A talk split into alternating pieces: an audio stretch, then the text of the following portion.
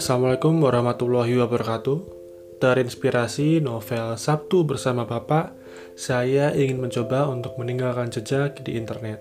Semoga saat kamu dewasa nanti, kamu bisa mengambil hikmah atau pelajaran dari sini. Sekarang sudah memasuki episode 8 dari catatan untuk masa depan. Dan pada episode ini saya akan bicara tentang tantangan, ujian, cobaan. Saat episode ini ditulis, saya resmi berumur 29 tahun.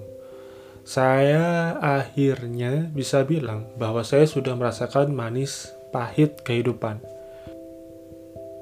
Kehidupan yang penuh dengan konfliknya, mau yang besar atau yang kecil, lengkap dengan segala tawa, sedih, halangan, keberuntungan, dan semua bentuk keajaiban yang terjadi di hidup saya. Saya bisa bilang hidup itu susah, tapi bisa dilalui, mudah, tapi bukan berarti disepelekan. Tantangan dalam hidup pasti ada kalanya kita ingin menantang diri kita sendiri. Seberapa jauh kita bisa melangkah, seberapa jauh kita mau mendorong tubuh, pikiran, hati, jiwa sampai ke batas maksimal buat orang yang kenal saya pasti tahu betul kalau saya orangnya pendiam jarang ngobrol bukan orang yang mau tampil di atas panggung. Saya sendiri sadar akan hal itu. Makanya saya pernah mencoba untuk menantang diri saya di depan publik. Saya pernah coba stand up comedy dua kali open mic dan satu kali audisi stand up comedy Kompas TV saya pernah coba teater saat kuliah. Itu uh, ada linknya sendiri karena saya pernah nulis ceritanya ada di bagian deskripsi. Saya cuma coba sampai saya merasa selesai, habis itu saya nggak ngelanjutin lagi. Karena tantangannya cuma berani di depan publik, bukan sampai sukses sebagai profesi atau semacamnya. Seakan-akan dua cerita itu, teater sama stand up comedy itu singkat ya, tapi proses menuju hari hanya proses saat akhirnya tampil di depan itu rumit dan lama. Proses latihannya itu berkali-kali, harus nata mental, harus menetralkan jantung karena berdebatnya itu nggak karuan. Susah, tapi akhirnya bisa. Saya pernah ikut survival camp, jadi karena saya kerja di sekolah alam sebagai fasilitator, ada keharusan untuk menguasai beberapa materi sebelum akhirnya mengajarkan ke siswa. Nah, bermodalkan pisau kecil, tali rafia, botol minum, dan jas hujan, saya dan yang lainnya harus bertahan di hutan dalam waktu yang ditentukan. Ada tiga tempat kalau nggak salah. Di semua tempat itu, saya harus bikin tenda dari jas hujan yang modelnya lebar, nutupin langsung semua badan kalau orang Jawa dulu tuh bilangnya model jas hujan model Batman awalnya di tempat satu saya mengakui kalau di awal-awal itu saya ngerasa emang kurang ilmunya kurang pengalaman apalagi memang saya bukan anak camping ya jadi semua itu memang baru bagi saya jadi setelah ngelihat tenda-tenda punya temen, barulah saya mempelajari apa yang harusnya saya lakuin. Jadi emang tenda di tempat pertama itu masih jelek banget. Di tempat kedua, tenda saya jauh lebih membentuk.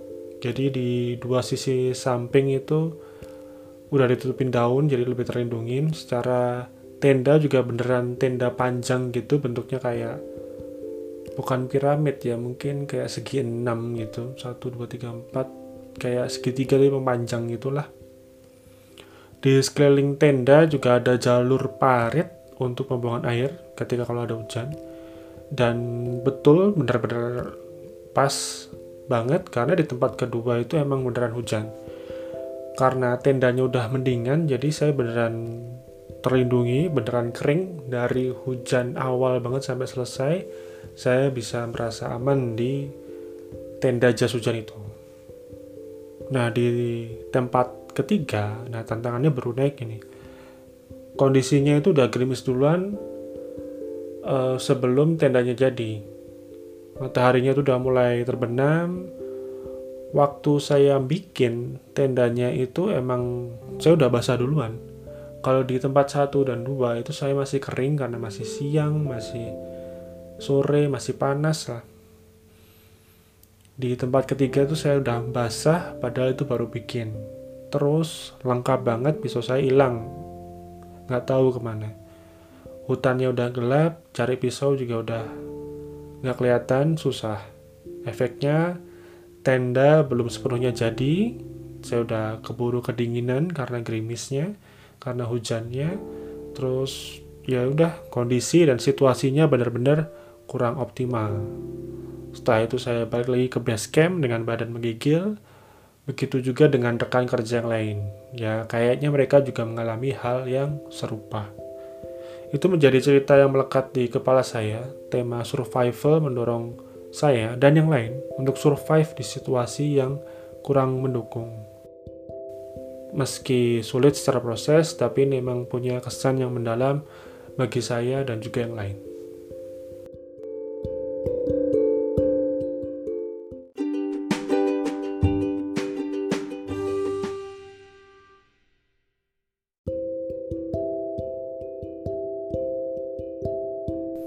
Ujian kalau tantangan menurut saya itu kayak usaha untuk menantang diri sendiri.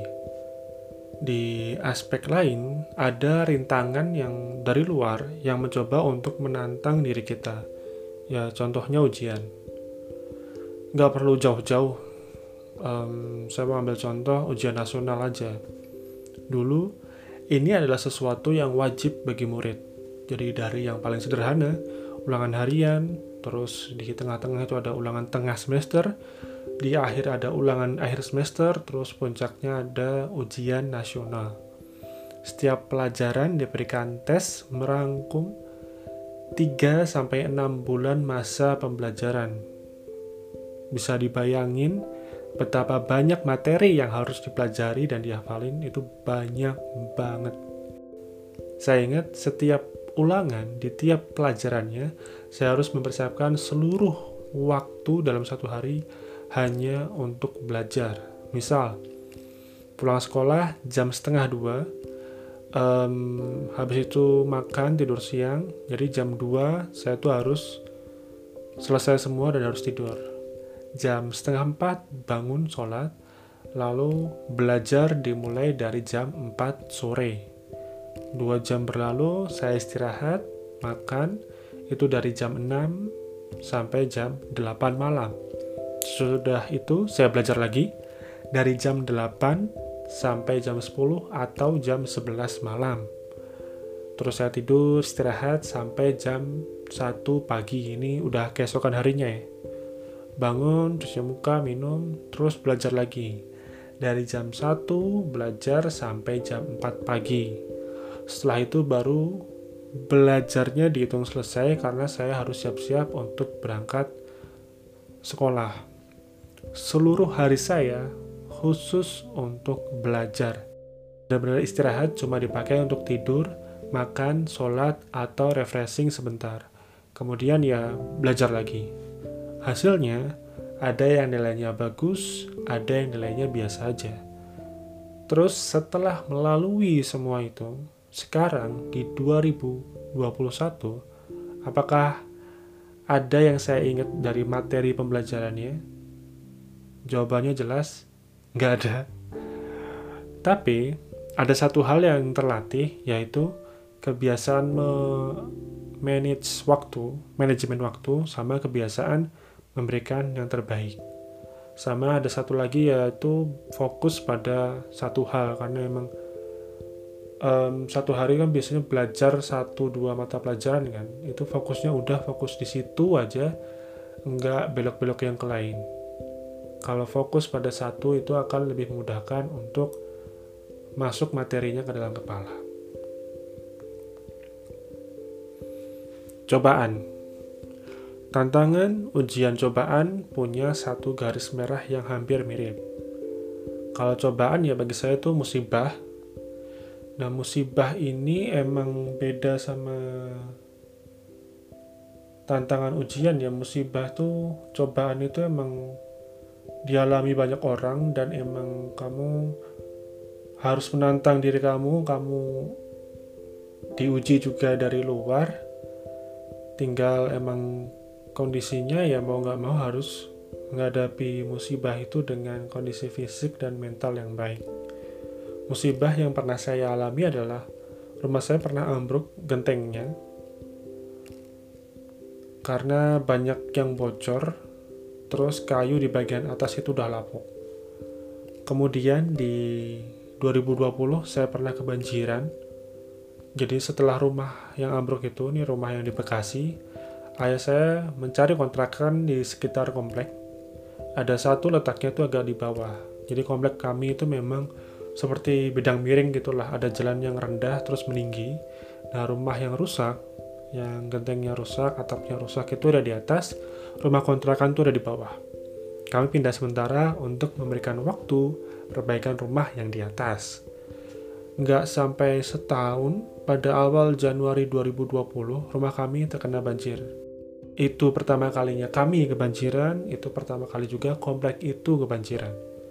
Komplek yang daerah rendah itu terbenam air sampai ke perut. Nah, rumah yang sedang perbaikan, yang di atas, yang hampir selesai perbaikannya, alhamdulillah aman. Lalu dimulailah hari-hari dengan membersihkan lumpur, membersihkan barang yang terkena banjir, mengembalikan kulkas yang kebalik, membawa kembali kasur yang udah ke bawah air entah sampai ke mana. Jadi pagi-pagi banget kami tuh, saya dan ayah saya, harus buang dulu air dan lumpur dari dalam rumah. Terus bersihin barang yang masih bisa dipakai. Terus buang yang sudah rusak. Sore baru istirahat lagi, kembali ke rumah atas dengan tidur pakai baju yang sama, baju yang terkena lumpur seharian. Keesokannya sama, buang dulu semua air dan lumpur, bersihin barang yang masih bisa dipakai, terus buang yang udah rusak. Seingat saya, awal banjir itu hari Minggu, kami mulai bersih-bersih itu Senin. Jadi dari hari Senin sampai Jumat, cuma itu rutinitas kami, ketemu lumpur, bersih-bersih. Kami sempat numpang mandi dan mencuci baju di tempat lain karena pam mati akibat banjir. Nyusahin banget emang karena butuh air bersih tapi air bersihnya malah susah didapat. Itu termasuk hari-hari yang paling melelahkan, fisik diajar habis-habisan, pikiran tuh udah gak tahu, udah gak karuan ada di mana. Ya alhamdulillah itu selesai. Bersih-bersih selesai, rumah atas selesai diperbaikin, barang-barang yang selamat selesai dipindahkan ke rumah atas. Cobaan yang pastinya sangat berat, namun tetap harus disyukuri karena kami punya dua rumah dalam tanda kutip ya, jadi bisa istirahat di tempat yang kering. Nah, di luar sana, ada yang sampai harus menetap di atas rumah, atau maksudnya di atap rumah. Ada yang tidur dalam keadaan rumah masih berair dan berlumpur.